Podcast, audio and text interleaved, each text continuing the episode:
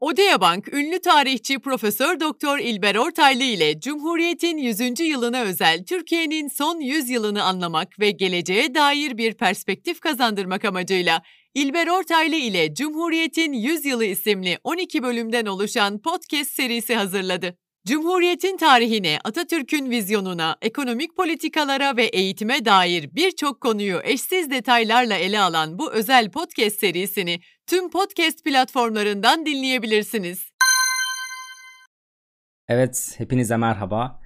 Rey Mysterio sonunda maskesini çıkardı. Karamazov kardeşleri ilk okuduğumda bir yaklaşık 100-150 sayfa okudum. Daha sonra bıraktım. Çünkü kitaba çay döküldü. Yok çay falan dökülmedi aslında. Kitap sarmadı. İlk okuduğumda bu kitabı kurgusu çok karışık gelmişti. Çok fazla karakter ismi duyuyordum. Ve kitabın pek içine girememiştim. Fakat daha sonra kitap hakkında bazı yorumlar gördüm. Çoğu insan bu kitabın Dostoyevski'nin en iyi kitabı olduğunu söylüyorlardı. Kesinlikle okumam gerektiğini söylüyorlardı. Ve ben de bu sözlerden sonra dedim bu kitaba tekrardan başlayayım ve bu sefer de kitabın sonunu bir göreyim. Daha sonra kitabı tekrar aldım ve bu sefer de sonuna kadar okudum ve kitaba hayran kaldım. Gerçekten çok etkilemişti kitap beni ilk okuduğum zaman ve şu an halen en çok sevdiğim romandır bu kitap. Ve bu videoda size bu kitaptan bahsetmek istiyorum. Kitap Dostoyevski'nin son kitabı aynı zamanda en uzun ve en ağır eseri. Gerçekten çok fazla konudan bahsediliyor bu kitapta. Aynı zamanda birçok karakter var ve her karakterde de belli bir derinlik, belli bir psikoloji yatıyor. Aynı zamanda Dostoyevski'nin diğer eserlerindeki benzer temaların yine burada işlendiğini görüyoruz mesela. Yer altından notlardaki özgür irade problemi burada tekrar işleniyor veya suç ve cezadaki ateist ahlakı problemi tekrar işleniyor. Budala kitabındaki o saf ama iyi yürekli karakter konsepti tekrardan işleniyor. Bir açıdan baktığımızda Dostoyevski'nin tüm bu kitaplarının gidişatı bu kitabın yönündeydi. Önceki kitapları okuyan rahatça diyebilir ki Dostoyevski illaki Karamazov kardeşler gibi bir kitabı yazacaktı.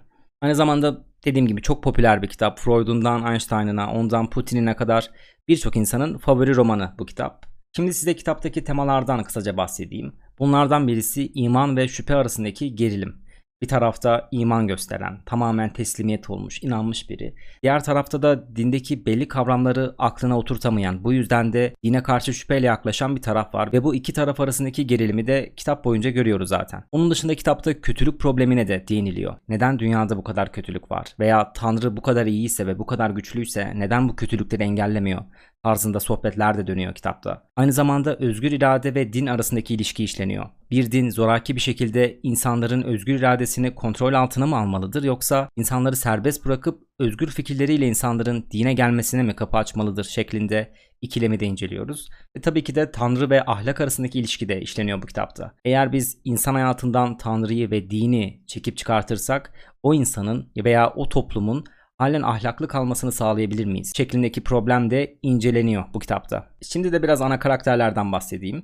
Bunlardan biri en solda gördüğünüz Fyodor Karamazov yani baba karakteri. Aslında sağdaki 4 karakter de bu babanın oğulları ama mevzu biraz karışık. Şöyle Alyosha ve Ivan bu babanın bir anneden oğulları, Dimitri ise başka bir anneden oğulları. Pavel ise başka bir sokak kadınından olan gayrimeşru bir oğlu. Yani bu Karamazov kardeşler ailesi biraz tuhaf bir aile. Ama şunu kabul edebiliriz ki bu sağdaki dört kardeş de aynı babadan olmalar. Ama sadece Ivan ve Alyosha'nın hem annesi hem de babası ortak. Geri kalanlar da değil. Öyle bir aile. Şimdi biraz da kısaca bu karakterlerin kişiliğini inceleyelim. Fyodor Karamazov yani baba karakterimiz zengin bir adam. Ama öyle kendi filan kazanmamış. Zengin bir kadınla evlenmiş. O kadın ölünce de buna yüklü miktarda miras kalmış. Bu parasını da o kadar güzel kullanabilen bir adam değil. Zevkine düşkün bir adam. Alemlere akmayı sever. Genç kızlara karşı bir zaafı vardır ve zevkine düşkün bir adamdır. Hayatı kendi zevkine göre yaşar. Bundan anlayabiliyoruz ki oğullarını da pek umursayan bir baba değildir bu adam. Hatta oğullarıyla genellikle kavga eder. Şimdi Alyosha'ya geçelim. Bu Alyosha babanın tam tersi bir karakter. Baba kabadır, Alyosha kibardır. Baba sevgisini göstermez. Oysa Alyosha çok sevecen bir insandır. Herkese sevgisini gösterir. Ve sevgisini gösterme şekli o kadar içtendir ki diğerleri de Alyosha'yı çok sever. Hatta kitaptaki en çok sevilen karakter diğerleri tarafından Alyosha'dır. Hayatı çok basittir aslında. Bir yerlerde sürtmez, geceleri bir yerlere akmaz. Kiliseye gider gelir, manastıra gider gelir ve imanına bakar. Hayatındaki en önemli değeri dinidir ve dinine uygun yaşamaya çalışır sadece. Ve dediğim gibi sevgisini ifade etmeyi çok sever. Her türlü insana sevgisini ifade eder. Diğer bir karakterimiz de Ivan Karamazov. Hatta bu hikayedeki en meşhur en popüler karakter diyebiliriz kendisi için. Muazzam zeki bir karakterdir. Ağzı çok iyi laf yapar, araştırmacıdır ve bu hikayenin entelektüeli bu karakterdir. Şöyle bir takıntısı vardır. Her şeyi aklına oturtmak ister. Her şeyi rasyonel bir temele oturtmak ister ve dinin bazı taraflarını da kafasına oturtamadığından dine karşı şüpheci bir yaklaşımı vardır. Hatta kendisi ateist bir karakterdir. Dimitri Karamazov ise biraz babasına benziyor. Çok değil ama biraz. Duygusal biri, duygularını kontrol edemiyor, çok tez canlı. Genelde öfke patlamaları yaşıyor ara sıra.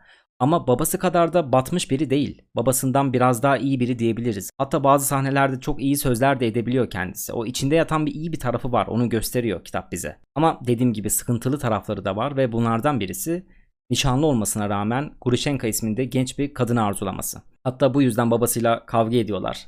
Tahmin edin niye? Çünkü babası da bu kızı arzuluyor. İşte öyle bir aile. Ana karakter açısından son olarak da Smerdyakhov'dan bahsedelim. Bu adam bir piç. Hakaret anlamında söylemiyorum. Gerçekten öyle. Kendisi gayrimeşru bir şekilde dünyaya gelmiş işte kitaptaki belli rivayetlere göre babası Fyodor Karamazov bir sokak kadınına tecavüz ediyor. Hatta bu kadın akıl sağlığında sıkıntıları olan ve sakat da bir kadın ve bu kadından da Smerdyakov doğuyor. Fakat daha sonra Fyodor baba bu adamı çocuğu olarak kabul etmek istemiyor ama evine alıyor ve uşak olarak kullanıyor. Ve böyle bir hayata sahip Smerdyakov'un da çok pozitif, olumlu bir karakter olacağını düşünmeyiz ki kendisi öyle biri değil zaten. Hınç sahibi biri, hayata karşı öfkeli. Hatta biraz da sinsi bir karakter, biraz içten pazarlıklı, çok fazla rengini belli etmiyor. Bir de epilepsiden mustarip, ara sıra kitapta epilepsi nöbetleri geçiriyor. Bu karakter hakkında bilmemiz gereken kritik bir nokta ise Ivan ile din ve ahlak hakkında konuşmayı seviyor. Hatta Ivan'ı dinlemeyi seviyor daha doğrusu. Ve Ivan'ın da din ve ahlak hakkındaki fikirlerinden bayağı bir etkileniyor bu karakter. Normalde hikayede Birkaç tane yan karakter var ama bu videoya yönelik bir tane yan karakteri alacağım. O da Zosima karakteri. Bu karakter bir rahip. Aynı zamanda Alyosha'nın akıl hocası bir nevi Sokrates'i. Alyosha'ya din, hayat, ahlak hakkında belli tavsiyeler veriyor ve Alyosha da bunu çok güzel benimsiyor. Yine Alyosha'ya benzeyen tarafı ise bu karakterin de sevgi dolu ve kucaklayıcı olması. Bu karakter de her türlü insana sevgi gösterebiliyor. Empati yeteneği çok yüksek bir insan. Diğer önemli bir nokta ise Ivan ile taban tabana zıt bir din görüşüne sahip olmaları. Videonun ilerleyen kısımlarında buraya değineceğiz zaten. Evet hikayemiz böyle başlıyor ve karakterler bu şekilde ve kitabı biraz okuyunca fark ediyorsun ki bu aile çok gergin. Hani Kuzey Güney dizisini biliyoruzdur. Oradaki aile yapısını da biliyoruzdur. Sami karakteri var. Herkes öfkelidir. Handan'a patlar. Handan gider kuzeye patlar. Kuzey gider güneye patlar. Ailede hep bir gerginlik vardır. Şöyle söyleyeyim Karamazovlarda durum daha fena. Özellikle Dimitri ve baba arasında hem miras kavgası geçiyor hem de kız kavgası geçiyor. Okuyunca diyorsun ki bu ailede bir şey olacak. Bir olay yaşanacak. Kötü bir olay yaşanacak çünkü çok gerginler.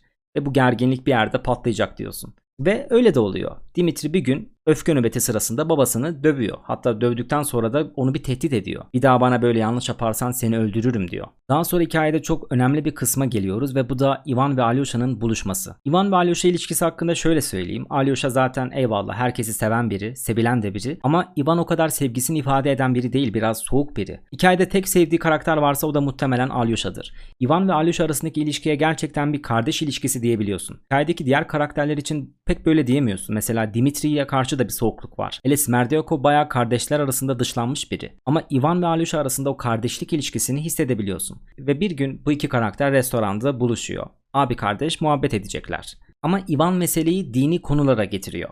Bahsetmiştim Alyosha teist, dindar bir karakter, Ivan ise ateist bir karakter. Ve bu buluşmada Ivan neden dini kabul etmekte bu kadar zorlandığına dair bir konuşma yapıyor. Ivan Alyosha'ya gazetede gördüğü bir olayı anlatıyor. Bu olayda küçük bir kız çocuğu ailesi tarafından türlü istismarlara, türlü işkencelere maruz kalıyor ve çok acı içerisinde ölüyor. Ivan'ın gazetede okuduğu bu olay Ivan'ı çok etkiliyor ve Alyosha'ya da bunu anlatıyor. Ve en sonda Alyosha'ya dediği şey şöyle. Bir çocuğun ölümünü görmektense dünyaya geliş biletimi iade etmek isterim. Özellikle küçük çocukların acı çektiği bir olay insanı gerçekten etkileyen bir olay. Böyle durumlarda gerçekten bir bu acının kaynağını sorguluyor. Neden böyle bir acı var dünyada diyor. Ivan da özünde bunu sorgulayan bir karakter. Tamam dünyada acılar var. Belli acıları insanlar hatta hak ediyor. Ama küçük bir çocuk neden acı çeker? Eğer Tanrı varsa ve bu Tanrı iyiyse, güçlüyse ve her şeyin farkındaysa bu acıyı neden engellemiyor? Ivan'ın kafasındaki problem bu şekilde ve din felsefesinde biz buna kötülük problemi diyoruz. Ivan daha sonra şöyle bir cümle kuruyor. O iğrenç yerde ucu alınmamış gözyaşları döküp göğsünü yumruklayarak tanrıcığına yalvaran yavrunun tek gözyaşına değmez bu üstün ahenk. Değmez çünkü çocuğun gözyaşlarının hesabı sorulmadan kalıyor. karşılık olmalı. Yoksa kutsal ahengin anlamını kavramak mümkün değil. Ama neyle ödenebilir bunlar? Var mı böyle bir şey? Bir öç mü sadece? Öcü ne yapayım ben? Canavarlar cehenneme gidecekmiş. Cehennem yaptıkları kötülüğü, mahvettikleri hayatı geri getirebilir mi? Ivan hakkında söylemiştim zaten. Kendisi gerçekten etkileyici konuşan birisi. Ve bu pasajda ne söylemeye çalıştığını bir düşünelim. Küçük bir çocuk ailesi tarafından türlü işkenceye maruz kalıp öldürülüyor. Buna teizm ne cevap verebilir? Tamam bu anne baba cehenneme yollanacak ve orada da muazzam bir acıya maruz kalacaklar ve bu yaptıkları kötülüğün bedelini ödeyecekler. Ivan'ın meselesi şu. Tamam eyvallah onlar acı çekecek. Peki çocuk? Çocuk o acıyı yaşadı bir kere. İstediği kadar anne babaya acı çektirsin. O küçük çocuk zaten çekeceğini çekmiş. Onun acısı bir yere gitmiyor ki. Hadi bu sefer de teyzim şey diyebilir. Bu çocuğu da cennete yollayacağız. Hatta cennete sıfırlanmış bir halde girecek. Yani çektiği acıyı da hatırlamayacak. Burada da yine Ivan'ın dikkat çektiği şey şu. Her ne kadar cennette çocuğa her şeyi unutturup güzellikleri önüne sersen de veya o anne babayı ateşler içerisinde yaksan da öyle bir acı çekilmiştir. O küçük çocuk öyle bir acıyı deneyim etmiştir. Ve Ivan'ın da odaklandığı nokta cennet cehennemden ziyade bu deneyim. Hiçbir şey Ivan için, hiçbir sistem, hiçbir cennet cehennem dengesi bu deneyimin verdiği acıyı karşılayamaz. Ivan'ın asıl isyanı bu yöndedir. Daha sonra da Alyosa'ya şöyle bir cümle kuruyor. Diyelim ki sen sonunda bütün insanları mutlu edecek, onları barış ve huzura kavuşturacak bir keder yapısının inşaatını üzerine almışsın. Ancak temeli atarken bir kurban ihtiyacın olacak. O küçük göğsünü yumruklayan yavruya kıymak gerekiyor. Öcü alınamayacak gözyaşlarını temel akıtarak bu binanın mimarı olmaya razı olur muydun? Yalansız söyle. Ve Ivan'ın bu konuşması uzun sürüyor. Ben biraz kısa bir şekilde anlattım ama Ivan uzun uzun detaylı detaylı o çocuğun neler çektiğini anlatıyor. Ve en son Alyosa'ya da böyle bir soru soruyor. Ne düşünüyorsun bu konu hakkında? Peki Alyosha ne cevap veriyor? Çünkü Alyosha'ya bir cevap hakkı doğdu. Ivan bir teizm eleştirisi yaptı. Alyosha da bir teist olarak, dindar biri olarak dinini savunması gerek. Alyosha hiçbir cevap veremiyor abisine. Sadece şey diyor. Abi bu yaptığın isyan etmektir. Dinden çıkmaktır. Sen ne yapıyorsun şeklinde tepkisel cevaplar veriyor ama onun argümanına bir cevap veremiyor. Alyosha'nın da kafasını karıştırıyor bu durum. Peki daha sonra ne oluyor? Konuşma burada bitiyor mu? Bitmiyor. Ivan'ın motoru daha yeni ısındı ve bir şeyler anlatmaya devam ediyor. Kardeşine diyor ki Alyosha ben bir şiir yazdım. Büyük Engizisyoncu isminde. Şimdi bu şiiri sana okuyacağım diyor. Şimdi biraz da bu şiirden bahsedelim. Büyük Engizisyoncu şiirinde İsa çarmıha gerildikten yüzlerce yıl sonra tekrardan ortaya çıkıyor. Tekrardan insanların arasına karışıyor. Ve insanlar da bakıyorlar ki kişi gerçekten İsa. Mucizeler gerçekleştiriyor, dokunduğunu iyileştiriyor ve tüm insanlar da İsa'yı coşkuyla karşılıyor. Hatta sevinçten, heyecandan ağlamaya başlıyorlar. İsa'yı gören herkes o bölgede muazzam bir sevinç içerisinde bir kişi hariç. O kişi de oradaki Engizisyon'un başındaki olan kişi yani Büyük Engizisyoncu. Bu Büyük Engizisyoncu muhafızlarına diyor ki bu İsa'yı yakalayın ve bana getirin onunla konuşacağım. Daha sonra İsa'yı yakalıyorlar ve Engizisyoncunun yanına getiriyorlar. Daha sonra Engizisyoncu şöyle ilginç bir cümle kuruyor. Şeytan haklıydı diyor. Şeytanı dinlemen gerekiyordu diyor. Tabi kafada soru işareti var. Şeytan hangi konuda haklı? Daha sonra Engizisyoncu bu sözünü açıklama ihtiyacı duyuyor. İncil'de geçen bir bölümde şeytan İsa'yı 3 aşamada yoldan çıkartmaya, onu ayartmaya çalışıyor. Şimdi bu 3 aşamayı incelersek Engizisyoncunun ne demeye çalıştığını daha iyi anlarız. İlk aşamada şeytan İsa'ya diyor ki A bak madem ki sen Tanrı'nın oğlusun, madem ki sen ilahi yüce bir şeysin, o zaman şu taşları ekmeğe dönüştür de insanların karnı doysun. Çünkü insan bedensel ihtiyaçları karşılanmadan yaşayamaz, iman bile edemez. Peki İsa ne diyor? Olmaz diyor. Benim bu taşları ekmeğe dönüştürmeme gerek yok çünkü insanı yaşatan şey bedensel ihtiyaçlarından ziyade Tanrı'nın sözüdür. İmanıdır onu yaşatan diyor ve şeytanın bu teklifini reddediyor. Daha sonra şeytan başka bir teklifle geliyor. İsa'yı yüksek bir yere çıkarıyor ve bu sefer de ona diyor ki madem ki Tanrı'nın oğlusun ya sen hadi atla aşağı bakalım diyor İsa'ya. Atla da bize ölmediğini göster bize bir mucize göster. Çünkü kitapta İsa aşağı atlarsa meleklerin onu tutacağı yazıyor. İsa bunu da kabul etmiyor. İnsanların bana inanmaları için mucizeye ihtiyacım yok diyor. Ben insanları mucize göstermeden inandırmak istiyorum diyor ve şeytanın bu teklifini de reddediyor. Şeytan bu sefer de son ve en önemli kozunu kullanıyor. Yine İsa'yı bir tepeye çıkarıyor ve bu tepe tüm krallığı, tüm insanlığı gören bir tepe.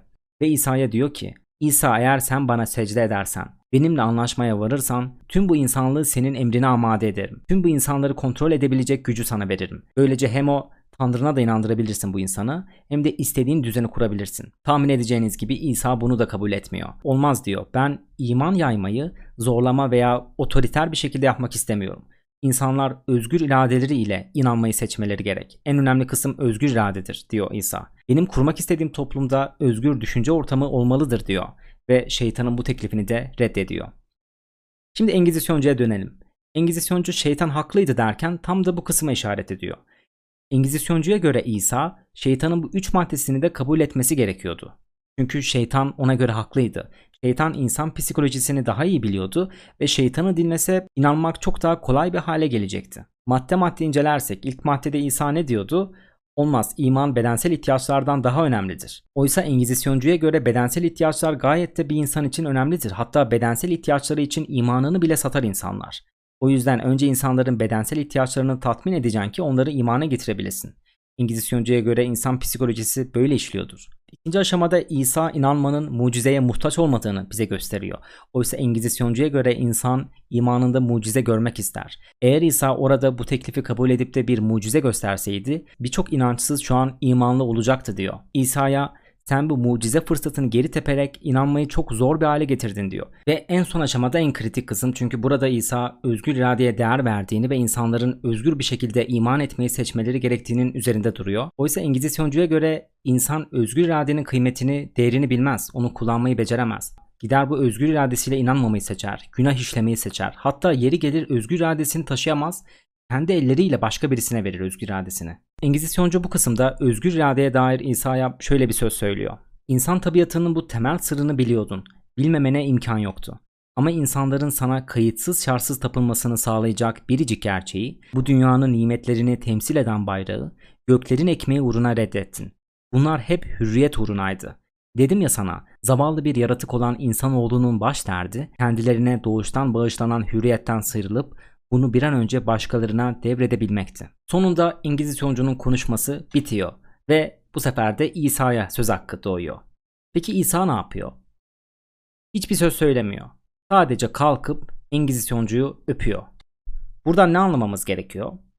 Eğer bir argümanı kazanamıyorsak karşı tarafın dudağına yapışın. Tam olarak böyle değil. İsa'nın cevabını şöyle düşünebiliriz. Kelimelerle ifade edilemeyecek bir sevgi eylemi. Bu kısım aklımızda kalsın. Kitabın ilerleyen kısımlarında bu sevgi eylemi dediğimiz mevzuya tekrar değineceğiz ve kafamızda daha iyi oturacak. Şimdilik devam edelim. Dediğim gibi bu Engizisyoncu hikayesini anlatan kişi Ivan ve Ivan da en son hikayesini bitiriyor ve tekrardan Alyosa'ya dönüyoruz. Peki Alyosha ne yapıyor? Sonuçta Ivan iki seferde dinine karşı bir saldırı yaptı bir nevi. Nasıl ki Engizisyoncu hikayede şeytanın avukatlığını yapıyorsa Ivan da Alyosha'ya karşı bir teizm eleştirisi yaptı. Peki Alyosha tekrar ne diyor bu konu hakkında? Alyosha çok güzel bir cevap veriyor. Hemen oradaki garsondan bir kalem istiyor. Buna tabakta kalem getiriyorlar. Alyosha kalemi alıyor. Abisine diyor ki abi eğer bu kalemin bile bir tasarımcısı varsın.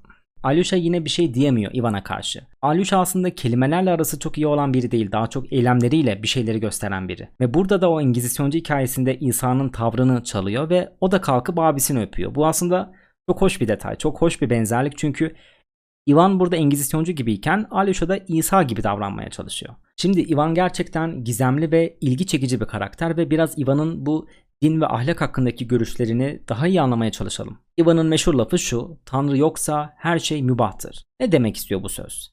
Ivan'a göre bir insan ahirete, ölümden sonra yaşama, ruhun ölümsüzlüğüne inanmadığı takdirde o insanı bu dünyada ahlaklı yapmak çok zor bir şeydir. Çünkü bu insan elindeki tek fırsatın bu dünya olduğunu bilir ve egoist tabiatı, kendi çıkarını düşünen fıtratı o insanı istediği gibi davranmaya sürükler. Burada şöyle bir ilginç bir mesele var. İvan bir dinsiz. Ama dinin var olması gerektiğini söylüyor ve dinin var olmasını da istiyor. Neden? Burada biraz aslında psikolojik yaklaşsak, Ivan'ın karakterine ve ailesine yönelik bir analiz yapsak şöyle bir sonuca ulaşıyoruz. Ivan'ın babasına bakalım. Ivan'ın babası Fyodor tam da Tanrı yoksa her şey mübahtır sözünün ete kemiğe bürünmüş hali. Öteki dünyaya ölümden sonra yaşama inanmıyor.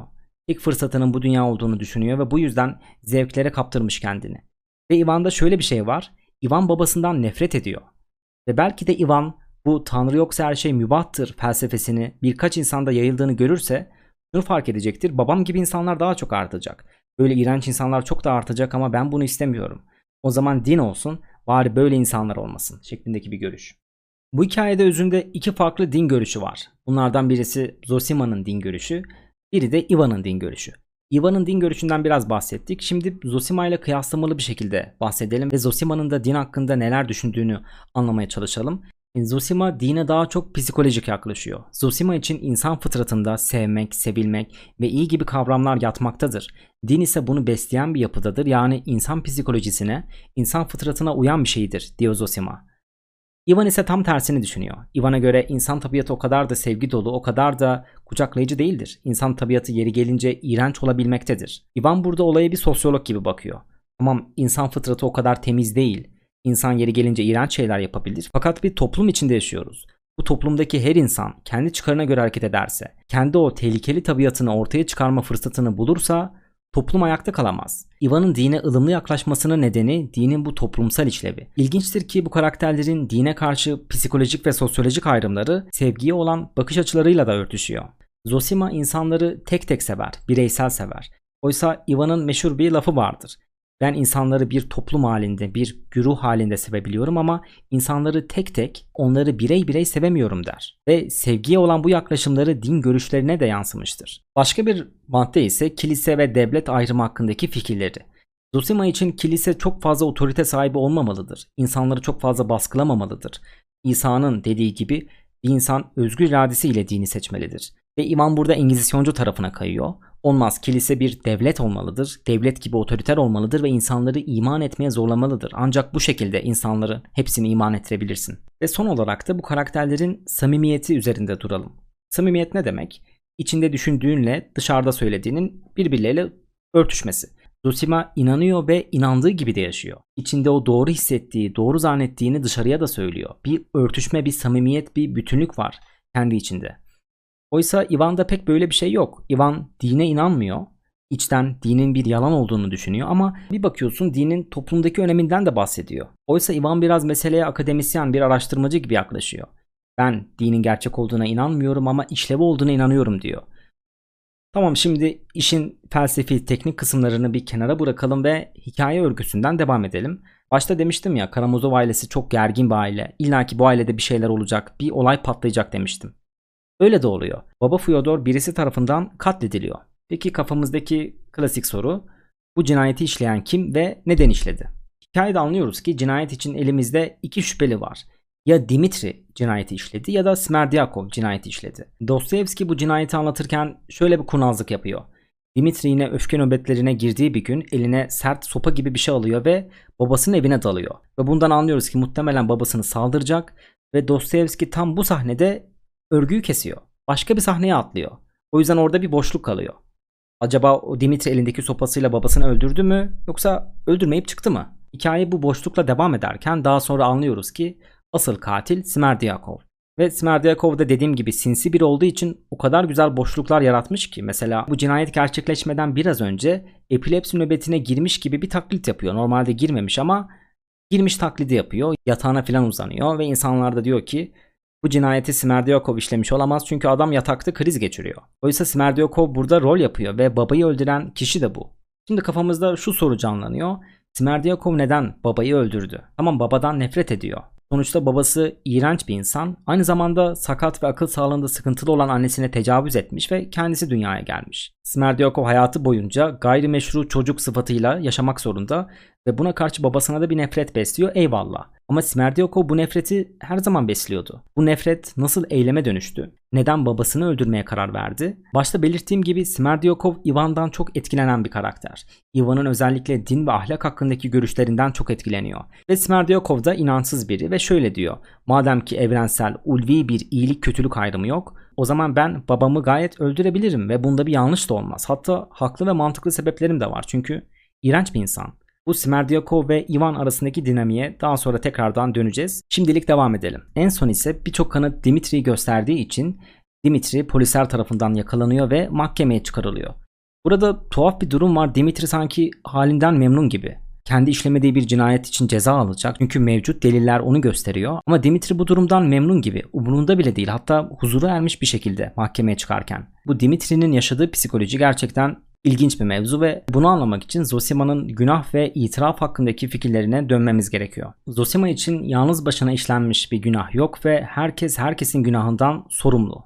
Zosima bunu savunuyor. Bir cinayet mi gördük? Bir günah mı gördük? burada tüm vebali tek kişiye yıkmamamız gerektiğini söylüyor. Ve bir günah nedensel bir zincir şeklinde başka insanlara da uzanmaktadır. Başka insanlar da o kişinin işlediği günahtan suçludur diyor Zosima. Mesela bunu hikaye odağında düşünmeye çalıştığımızda taşlar yerine çok daha fazla oturuyor. Mesela babanın katili Smerdyakov değil mi? Ama Smerdyakov'u etkileyen kim? Ivan'ın ahlak felsefesi. Yani burada tek suçu Smerdyakov'a atmak yerine Ivan'ın da bu cinayette payı olduğunu kabul etmek gerekiyor. Veya hikayenin bir kısmında Alyosha küçük bir çocukla karşılaşıyor. İlyusha isminde bir çocuk. Ve bu çocuk Alyosha'ya çok sert davranmaya başlıyor. Alyosha'nın elini ısırıyor, ona taş atıyor. Ve Alyosha da anlam veremiyor. Bu çocuk neden böyle asabi diyor. Daha sonra ortaya çıkıyor ki bizim Dimitri vakti zamanında bu küçük çocuğun babasını dövmüş. Herkesin gözü önünde. Ve bu çocuk da hayata karşı oradan öfkelenmiş bir asabi birine bürünmüş. Burada bile o günah zincirini görebiliyoruz. Alyosha başta çocuğun neden bu kadar öfkeli olduğunu çözmeye çalışıyor ama bir bakıyor kardeşi yüzünden. Kendi abisinin davranışı aslında bu durumun öncülü.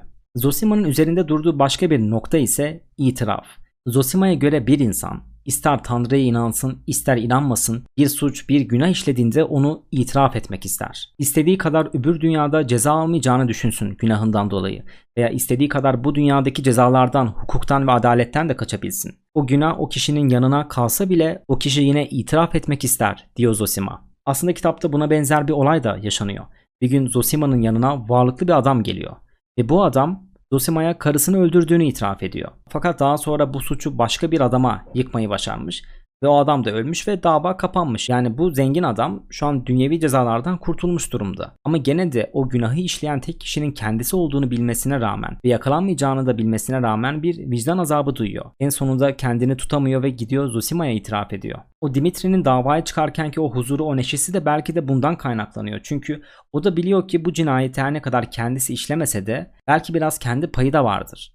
Babasıyla çok çatışmıştır. Babasını yeri gelince seni öldüreceğim diye tehdit etmiştir. Hatta babasının ölümünden, ölüm haberinden belki içten içe bir zevk bile almıştır. Dimitri bir şekilde vicdan azabı çekiyor işlemediği bir günaha karşılık. Ve bunun itirafını da mahkeme yoluyla bir şekilde yapmış oluyor. Ve bundan dolayı da belki içi rahatlamış hissediyor. Ve bundan dolayı da belki içi rahatlamış hissediyor. Hikaye böyle devam ederken cinayetler, mahkemeler, sıkıntılar Karamazovları sarmışken Ivan akıl sağlığını kaybetmeye başlıyor. Hatta delirmeye başlıyor. Şeytanın suretini görmeye başlıyor çevresinde. Peki neden? Yine bu günah ve itiraf kavramlarıyla ilişkili. Ivan da şunu fark ediyor. Bu cinayeti Smerdyakov işledi ama Smerdyakov'un kafasına da giren kişi benim. Bu cinayetin felsefesini ve temelini kuran kişi aslında benim. Ivan başta böyle düşünmezdi. Başta bir günahı bir kişi mi işliyor? Tüm suç onundur diye düşünüyordu.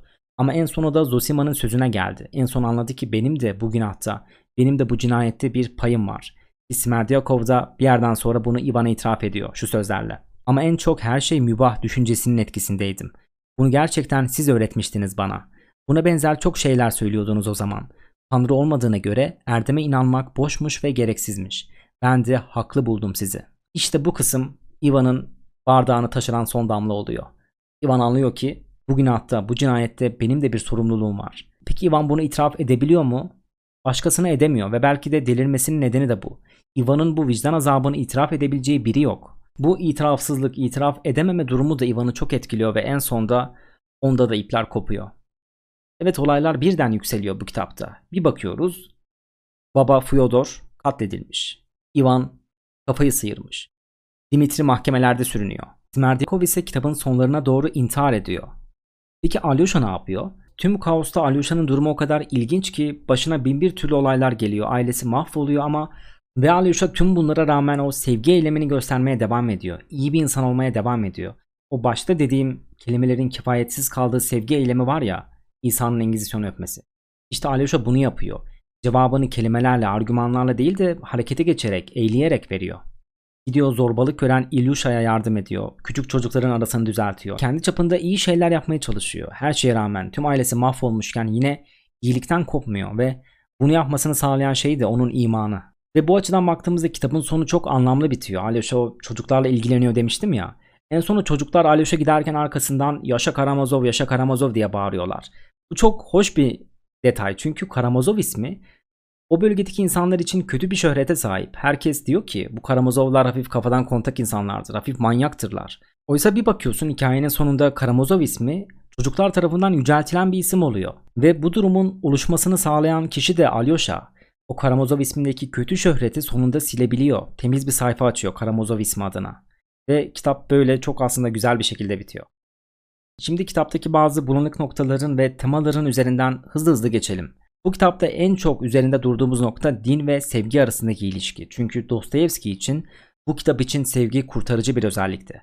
Eyleme geçerek gösterdiğin sevgi hareketinin bir cevap olduğunu söylüyor Dostoyevski. Tam da bu konu hakkında YouTube'da bir video izlemiştim, bir TED konuşması. Bayağı da popüler bir konuşma. Videoda gördüğünüz adam bir katliam yapma fikrinden nasıl son anda vazgeçtiğini anlatıyor. Bu adam işte hayatı boyunca ailesi tarafından istismara, işkencelere uğramış, çok kötü ve zorbalıklarla dolu bir çocukluk geçirmiş, insanlar tarafından da hiç sevilmemiş ve şöyle bir cümle kuruyor. Eğer birisi seni değersiz hissettiriyorsa bir yerden sonra buna inanmaya başlarsın ve daha sonra etrafındaki herkesi buna inandırmaya çalışırsın. Daha sonra diyor ki bendeki bu değersizlik hali benim içimde bir nefrete yol açtı. Sevilmeyen biri olduğumu anladığım vakit insanlara karşı bir öfke eylemi, bir katliam yapmayı düşündüm diyor.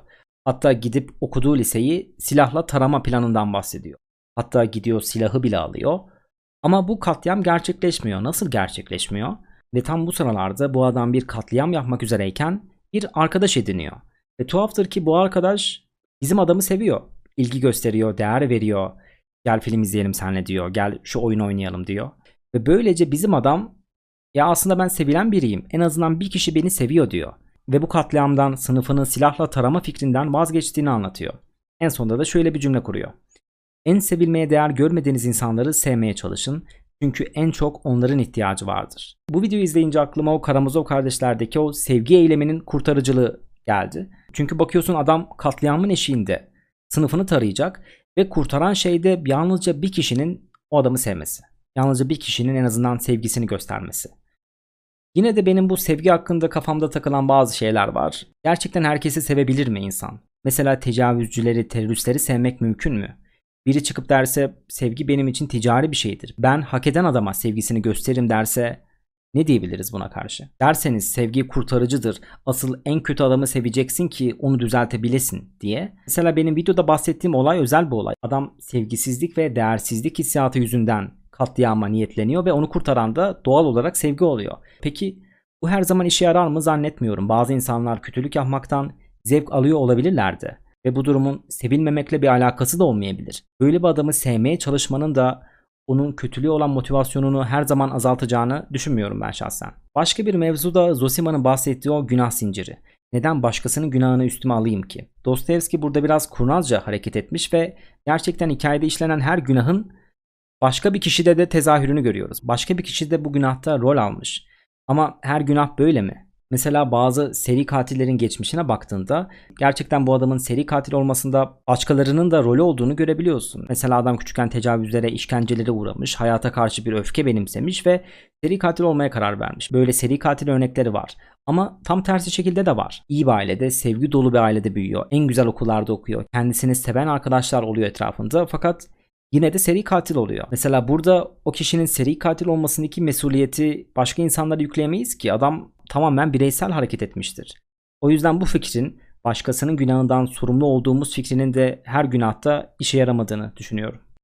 Özünde Dostoyevski'nin din görüşünde halen tartışmalı kısımlar var. Dostoyevski'nin verdiği cevap da akılcı bir cevap olmaktan ziyade duygusal bir cevap. Özünde sevgi temelli. Ve Dostoyevski'nin yaptığı ilginç bir durumsa Genelde ateist karakterleri ya cinayet işliyor ya da kafa yiyor.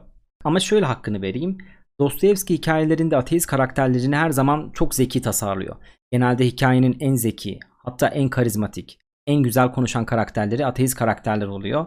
Ama en sonunda da teist karakterleri öne çıkarıyor. Teist karakterleri kazandırıyor. Bu hikayede olduğu gibi. Dostoyevski hakkında şöyle bir görüş de var. Acaba Dostoyevski'nin içinde Ivan Karamazovluk var mıydı? Acaba o da özünde inanmayan fakat dinin işlevini çok sevdiği için savunan birisi miydi? Mesela Stephen Zweig'ın Dostoyevski hakkında şöyle bir sözü var. Kendisi inanmadığı ve inançsızlığın verdiği azabı bildiği için kendi ifadesiyle söyleyecek olursak acıyı ıstırabı yalnız kendisi söz konusu olduğu zaman sevdiği ve insan kardeşlerine acıdığı için kendisinin inanmadığı bir tanrıya inanmalarını öğütlemektedir. Tabi bu sözün doğru olup olmadığını Dostoyevski'den başka birisi bilemez. Ve son olarak da kitabı okuyacaklar için biraz tavsiye vereyim. Kitabı okurken sabırlı olmaya özen gösterin. Gerçekten kalın bir kitap ve bazen hikaye çok yavaş ilerliyor ve sıkıcılaşabiliyor. Sabredin, güzel kısımlar geliyor. Sindire sindire okuyun. Hatta gerekirse kitabı bir aya bölün. Yavaş yavaş okuyun. Onun dışında bu çok önemli. Karakter isimlerini bir yere not edin. Rus edebiyatında genelde olan bir şey. Bir karakterin yedek isimleri var. Alyusha'nın mesela Alyoshka, Rochka, Lanka, Ivanka var Ivan'ın. Mitya, Mitka var. Alyusha'nın hatta hikayede 6-7 tane yedek ismi var. Ben hepsini ayrı kişi zannediyordum. Meğer tek kişilermişiz. hatta bir ara şey olmuştu. Alyusha'nın yedek ismi ile Ivan'ın yedek ismini birbirine karıştırmıştım. Bu senaryoya göre kitabın yarısında Ivan imana geliyor. Alyosha ateist oluyor. Tabi yok böyle bir şey. Demek istediğim karakter isimlerini Wikipedia'dan bulabilirsiniz. Yedek isimlerini. Onları not edin. Karakterler birbirine karışmasın. Çok daha rahat okursunuz emin olun. Ve son olarak da şimdi bana derseniz ki abi her şeyi anlattın. Daha bunun üzerine kitap mı okunur? Spoiler'ın babasını yedik. Şöyle söyleyeyim. Güzel eserleri spoiler çok da mahvetmiyor. Çünkü o eseri güzel yapan şey genelde o yorumu, o anlatış şekli olduğu için spoiler çok da fazla sizi etkilemeyecektir. O yüzden bu kitabı okuyabilirsiniz. Ve okumanızı tavsiye ediyorum. Gerçekten ölmeden önce okunacak kitaplardan biridir bu kitap. Ve benden bu kadar arkadaşlar. Fark ettiğiniz gibi bu videonun tarzı biraz garip oldu. En garibi kamera olması. Bir de slide şeklinde sanki Zoom'da ders anlatır gibi anlattım. Çünkü içimden öyle anlatmak geldi. Tüm videoları hazırlarken bir metin hazırlıyorum, o metini okuyorum ve bazen bu çok sıkıcı oluyor. Onun yerine biraz doğaçlama, sanki arkadaşla sohbet eder gibi anlatma isteği duydum ve ondan bu videoyu farklı hazırlamak istedim. Sosyal medyalardan beni takip edebilirsiniz. Bir dahaki videolarda görüşmek üzere, hoşçakalın.